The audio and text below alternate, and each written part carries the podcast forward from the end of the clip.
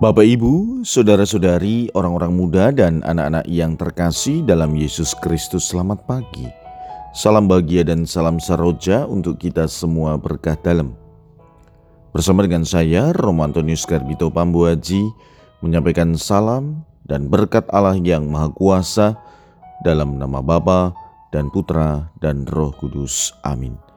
Hari ini Jumat 17 Februari dalam hari biasa pekan biasa ke-6. Bacaan pertama dalam liturgi hari ini diambil dari kitab Kejadian bab 11 ayat 1 sampai dengan 9. Bacaan Injil diambil dari Injil Markus bab 8 ayat 34 sampai dengan bab 9 ayat 1. Pada suatu ketika Yesus memanggil orang banyak dan murid-muridnya dan berkata kepada mereka, Setiap orang yang mau mengikuti aku harus menyangkal diri, memikul salibnya, dan mengikut aku.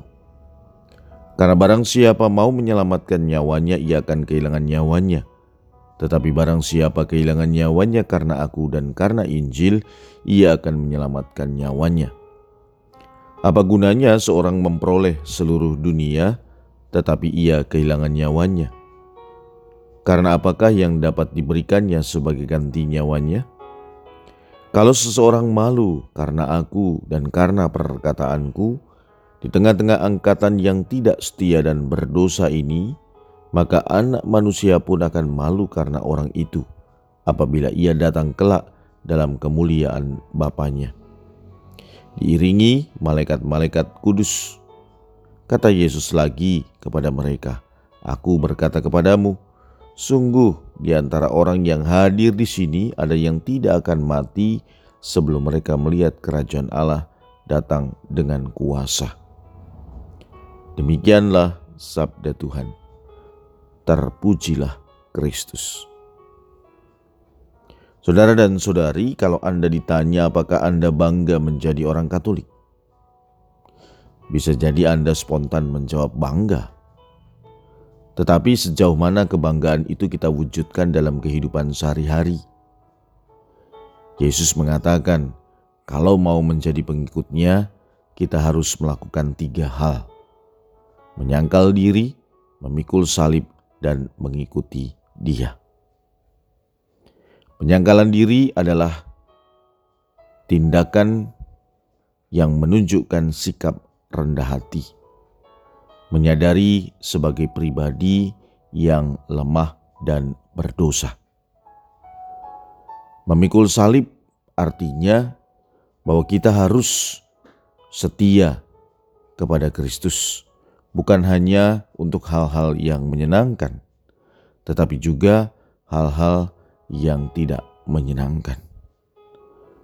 Mengikut aku atau mengikut Dia berarti kita juga harus meneladan sikap-sikap yang ditanamkan oleh Kristus kepada para rasul dan kepada kita, karena kita mengikuti iman apostolik.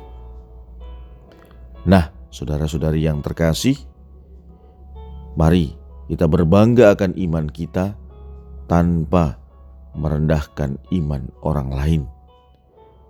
Kita mencintai Kristus tanpa perlu membenci orang lain. Setiap murid Kristus yang bangga pada imannya pasti akan senantiasa meneladan sikap Kristus. Marilah kita berdoa. Ya Tuhan, terima kasih Engkau mengajarkan kami akan sabdamu hari ini untuk senantiasa menjadi pengikutmu dengan menyangkal diri, memikul salib, dan mengikuti Engkau. Berkat Allah yang Maha Kuasa dalam nama Bapa dan Putra dan Roh Kudus. Amin.